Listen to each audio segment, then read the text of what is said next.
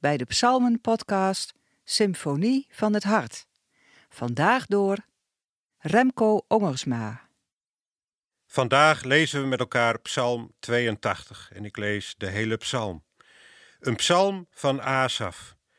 God staat op in de hemelse raad. Hij spreekt recht in de kring van de goden. Hoe lang nog oordeelt u onrechtvaardig en kiest u partij voor wie kwaad doen? Doe recht aan weerlozen en wezen. Kom op voor verdrukten en zwakken. Bevrijd wie weerloos zijn en arm. Red hen uit de greep van wie kwaad wil. Zij tonen geen inzicht, geen begrip en dolen in duisternis rond. De aarde wankelt op haar grondvesten. Ooit heb ik gezegd: U bent goden, zonen van de Allerhoogste, allemaal. Toch zult u sterven als mensen, ten val komen als aardse vorsten.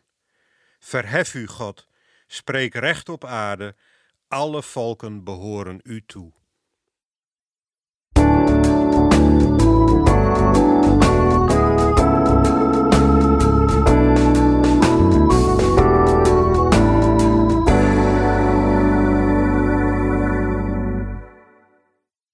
De oorlog tussen Rusland en de Oekraïne is er eentje met een lange aanloop. Lange tijd heeft het onze levens eigenlijk niet geraakt. Ook al waren er al grote onrechten in de Krim en in het oosten van de Oekraïne.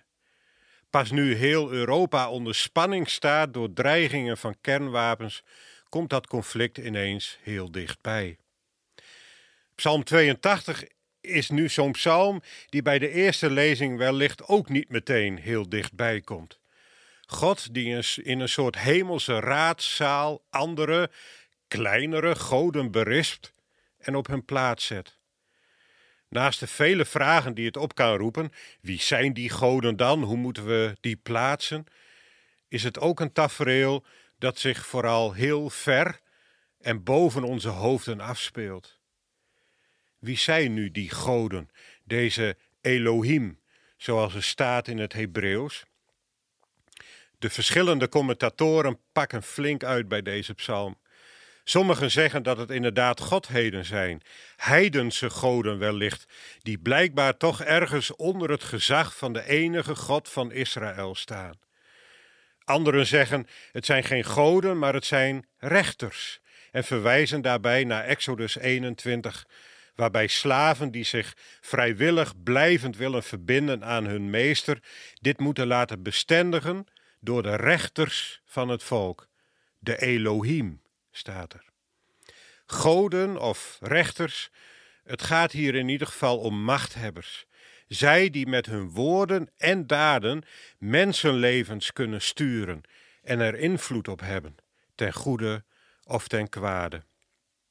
Wat heeft dat nu met jou en mij te maken? Wat is onze invloed en plaats in dit tafereel dat zich vooral daarboven afspeelt? Gods woord is nooit een woord van afstand, maar komt altijd heel dichtbij. Psalm 8 zegt heel mooi dat de mens vervuld is met glans en glorie door onze Schepper. U hebt hem bijna tot goden gemaakt, Elohim. Jezus zegt zelf in Johannes 10: Staat er in de wet niet geschreven: U bent goden? Daar staat het Griekse, de Griekse versie van Elohim. En dan gaat het niet over rechters, over godheden of andere hooggeplaatsten, maar dan gaat het over jou en mij.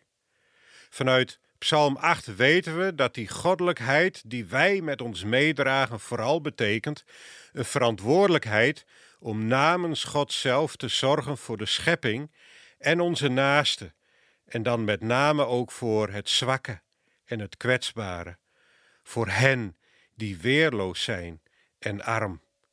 In die zin hebben we allemaal invloed op onze omgeving. En het is precies daar waar diegenen die in Psalm 82 ter verantwoording worden geroepen, hebben gefaald. Zij tonen geen inzicht, geen begrip, staat er. Zij zijn hun goddelijke roeping uit het oog verloren. En wij?